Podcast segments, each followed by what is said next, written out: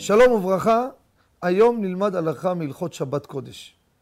כידוע, היום המקררים מאוד מתוחכמים. כל המקררים כרטיסי מחשב עם המון פעולות שהציבור אפילו לא יודע עליהם, וכל השיטה השתנתה מהמקררים הישנים של פעם. והשאלה היא, האם מותר לפתוח מקרר בשבת כשהנורה כבויה, כשאין לאדם התקן שבת? קנה מקרר רגיל, חברה, איזה חברה שאתם רוצים, ואין לו התקן שבת. לא חיברו לו במיוחד עם כשרות של מכון משמרת השבת. האם הדבר הזה מותר או אסור?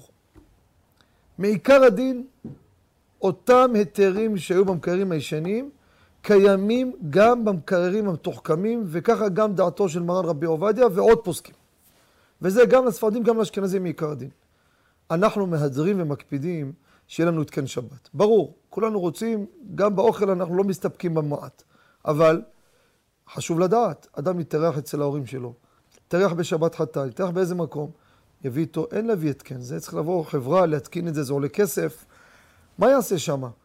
צריך לפתוח, צריך לסגור. ניתקו רק את המנורה. מצד ההלכה, חוץ מהמנורה, כל הפעולות האחרות שנעשות, אף שהן פעולות חמורות, על פי כל ההיתרים הקיימים במקרים הישנים, מה שכותב חם בן ציון והגאון שלמה זמן אוירבך וכל הפוסקים, ורבי עובדיה בסוף ימיו, חזון עובדיה, שבת דבר, עם זה הוא סיים, חזר וכתב את ההלכה הזאת. שהמקרים היו בשיא הטכנולוגיה. שלא יגידו, הוא דיבר על הישנים ואת החדשים הוא שינה דעתו. לא נכון.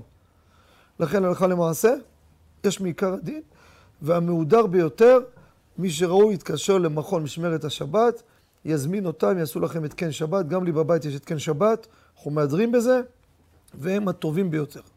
תודה רבה וכל טוב.